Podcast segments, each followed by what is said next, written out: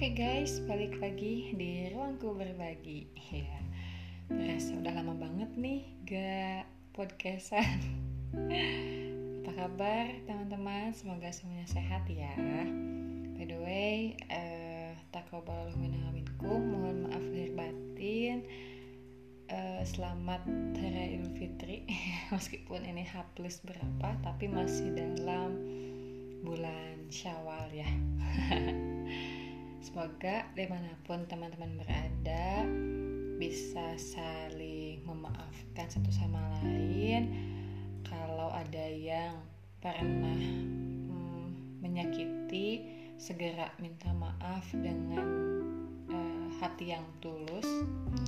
Kalau ada yang merasa uh, tersakiti, semoga dapat memaafkan dengan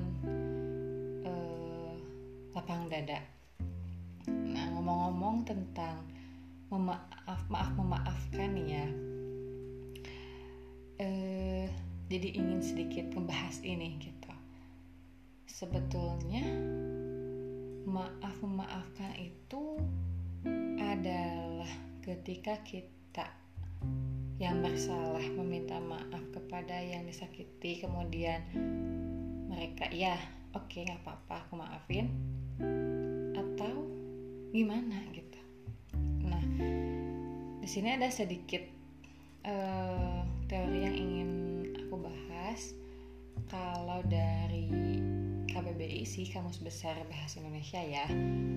Memaafkan itu berarti membebaskan seseorang dari hukuman, denda, dan lain-lain atas perbuatan dia yang salah.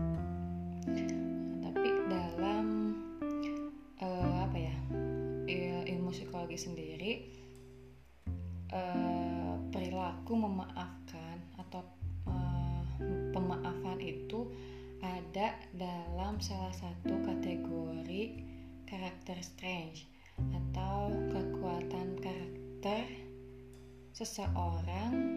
Jadi gini kan setiap orang itu punya karakter yang berbeda-beda gitu kan.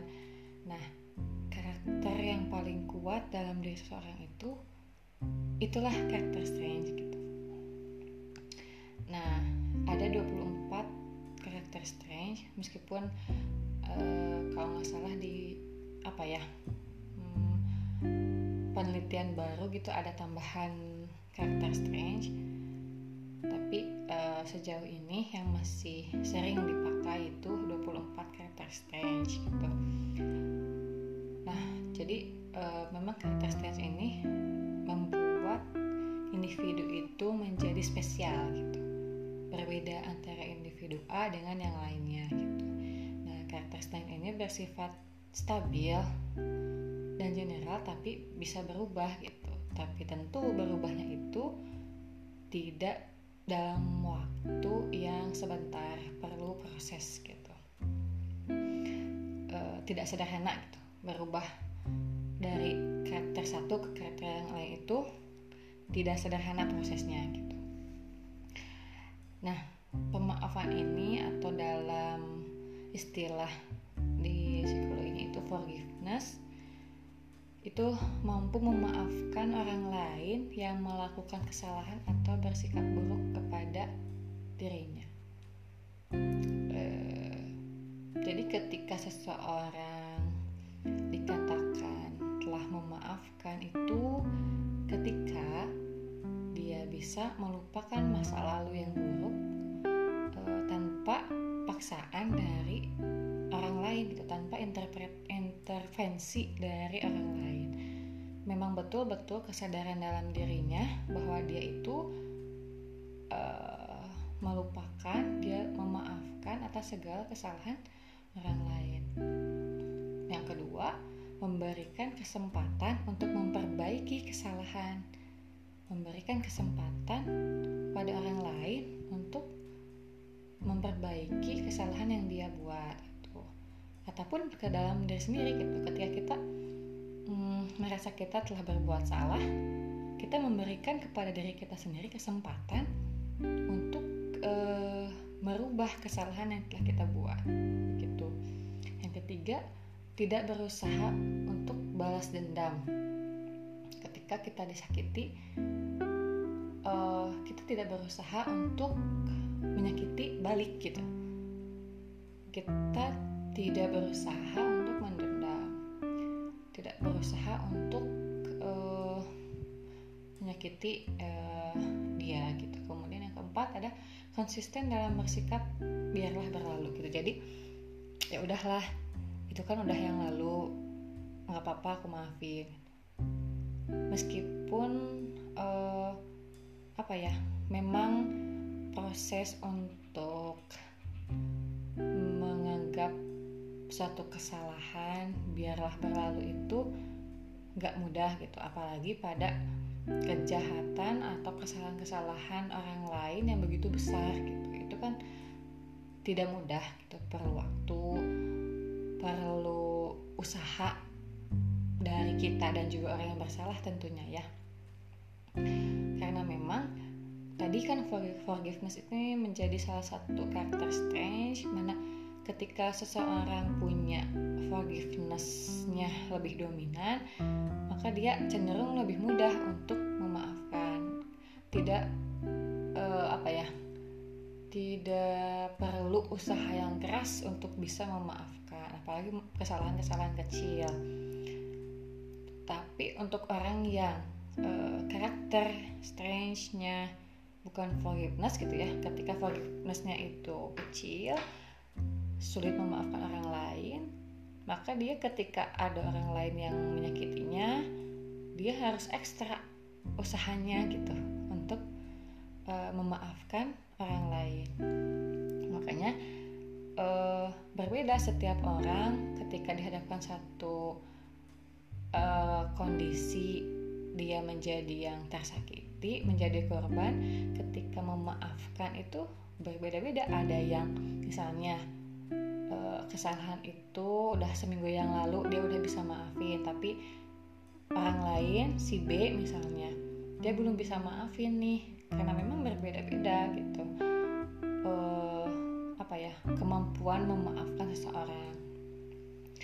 Nah kalau idealnya saat memaafkan itu menggantikan emosi negatif yang ada dalam diri kita menjadi emosi yang positif gitu. idealnya seperti itu. Tapi kan uh, proses memaafkan itu tidak semudah kita membaca gitu. Tidak semudah teman-teman dengar podcast ini gitu.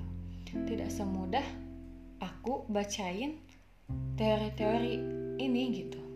Karena memang yang terjadi ketika proses pemaafan itu nggak sederhana gitu. Ada emosi yang terlibat, ada pikiran yang terlibat, ada uh, apa? Namanya uh, keterlibatan orang lain mungkin dalam uh, apa ya mempengaruhi pikiran dan emosi kita dan lain sebagainya. Kan banyak sekali yang mempengaruhi gitu. Dan itu ya gitu butuh waktu nggak sederhana. Nah uh, jadi untuk memaafkan itu pada dasarnya uh, apa ya sebuah sebuah langkah untuk self healing gitu. Untuk mengobati diri kita sendiri atas uh, kejadian pahit yang menimpa kita gitu ya. Karena memang berdampak pada kebahagiaan psikologis kita kesejahteraan psikologis kita gitu uh, si forgiveness ini makanya uh, apa ya banyak sekali buku tentang forgiveness ini yang membahas tentang bahwa forgiveness ini jadi obat untuk eh, luka-luka uh, kita gitu di masa lalu. Nah, pemaafan secara dewasa ini menurut Smedes 1984 Pemaafan secara dewasa bukan berarti menghapus seluruh perasaan negatif, tetapi menjadi sebuah keseimbangan perasaan.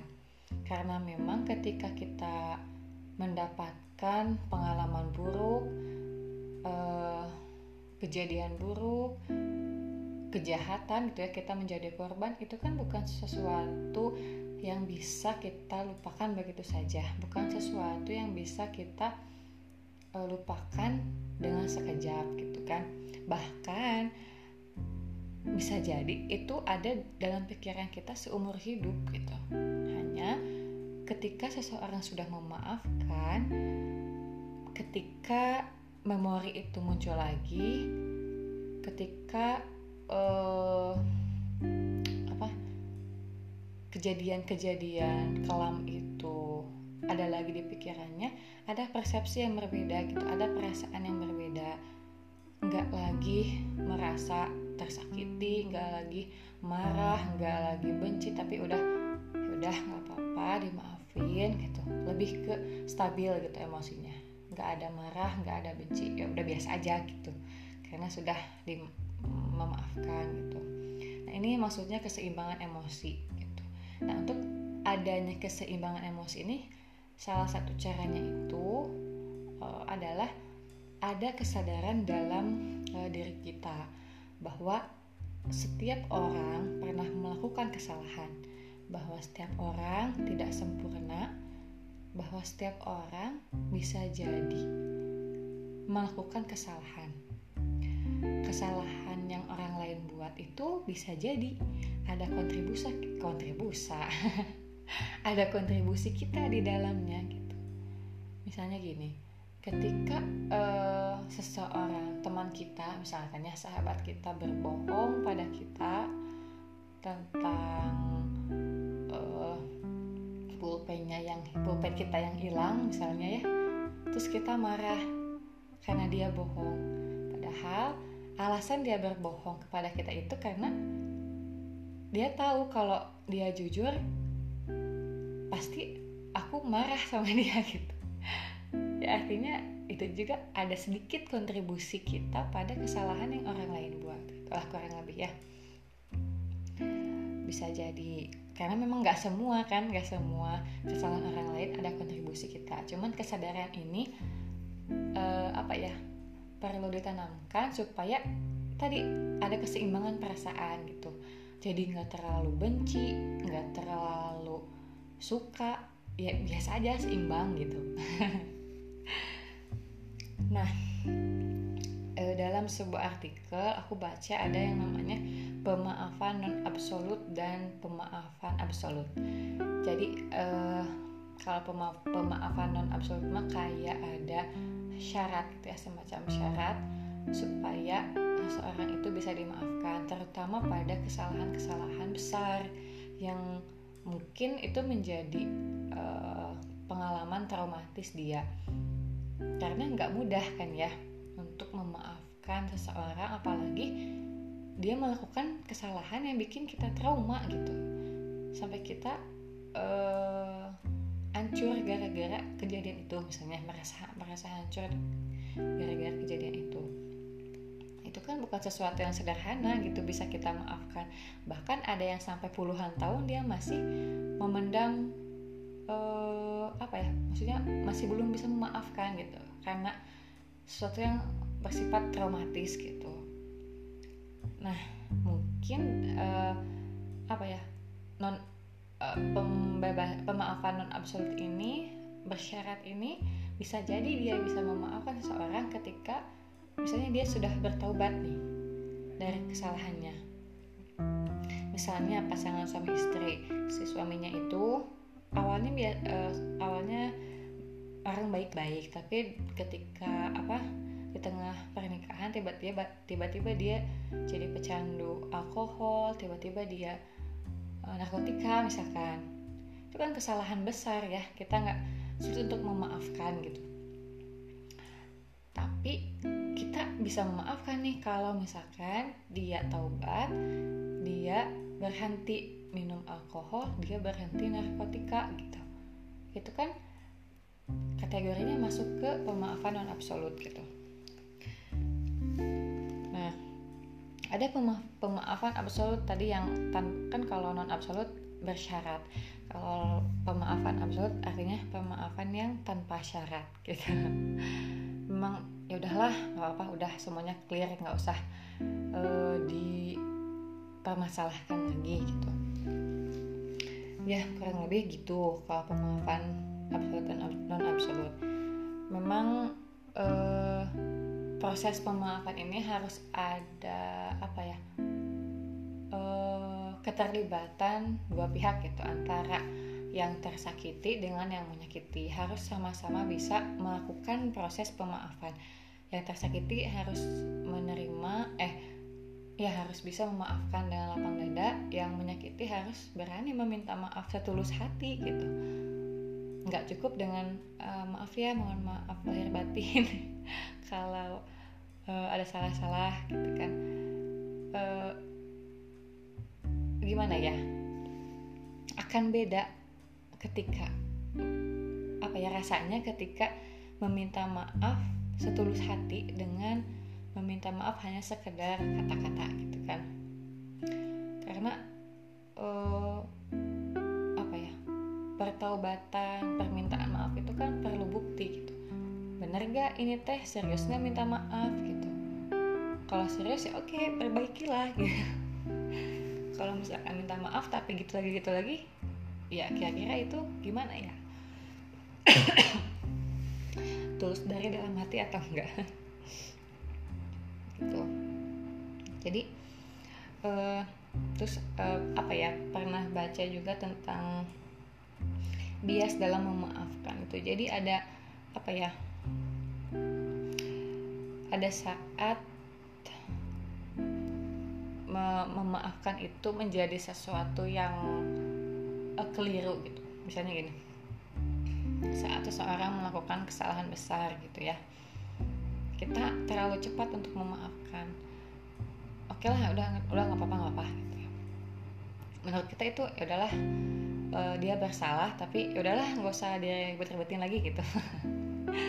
Tapi karena pemaafan kita yang terlalu cepat jadi dia tidak belajar tentang kesalahan yang dia lakukan gitu seharusnya dia bisa introspeksi diri. Kenapa uh, kenapa dia marah? Aku salah apa gitu kan? Dia bisa memperbaiki diri. Harusnya seperti itu. Tapi karena kita terlalu cepat memaafkan uh, jadinya dia tidak belajar atas kesalahan yang dilakukan. Itu bias yang pertama.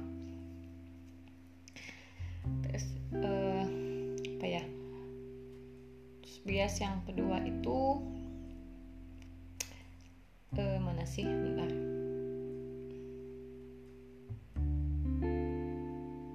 Oh. Ada yang terlalu cepat memaafkan karena ingin semuanya baik-baik aja malah jadi uh, nimbun emosi negatif dalam dirinya gitu. Artinya dia tidak betul-betul memaafkan gitu karena dia memendam banyak kekecewaan emosi-emosi negatif dengan yaudah aku maafin udah nggak apa-apa apa padahal dalam dirinya uh, kecewa banget gitu. Pengen ngungkapin tapi nggak bisa. Daripada masalah makin besar mungkin ya udahlah maafin aja maafin aja. Itu juga jadi bumerang buat dia dia dari dia sendiri gitu. Artinya belum tuntas emosi negatif yang dia rasakan gitu. Itu bias yang kedua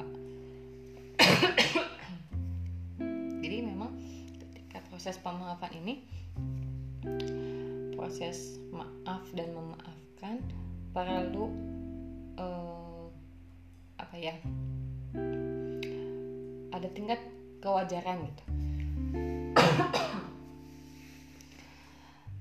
Sesuai dengan uh, apa ya wajar wajar sih ini dimaafin dengan cepat gitu? Wajar sih ini kesalahan yang dilakukan kita harus kasih waktu ke dia untuk berpikir tentang kesalahannya kenapa aku marah. Kalau misalkan uh, kesalahan dia sederhana tapi kita terlalu lama marah, marah itu juga kan jadi kayaknya nggak perlu deh marah sebegitunya gitu. kayak misalnya kita lagi menghadapi anak kita nih. Uh, anak kita mecahin satu gelas kita marahnya sampai seminggu sama anak biar gelas gitu. Muage eh, maaf Sunda ya. Hanya karena gelas gak akan nyampe uh, ribu 100 ribu lah ya satu gelas kayaknya. Kayaknya cuma Sultan doang yang punya gelas satunya seratus ribu. Ya artinya itu nggak sesuatu yang nggak wajar itu ya sewajarnya kita marah eh, kita maaf uh, meminta maaf sewajarnya memaafkan juga sewajarnya. Ketika kesalahan yang dilakukan perlu dengan syarat uh, perlu dengan sebuah keadilan ya kita harus uh, tempuh itu gitu. Tapi kalau kesalahan yang dia buat itu bisa dilakukan dengan damai gitu ya tanpa syarat apa pun kita bisa memaafkan dengan seluruh hati dia dia terutama dia benar-benar menyesali dia benar-benar bertaubat eh kenapa tidak kita memaafkan dia gitu. Toh dia sudah menyesal dia sudah bertobat tidak mengulangi hal itu ya itu mah udah keharusan kayaknya kita untuk memaafkan ya. Terakhir nih ada satu teori tapi uh, enak banget buat dibacain suka banget kata-katanya gitu ya.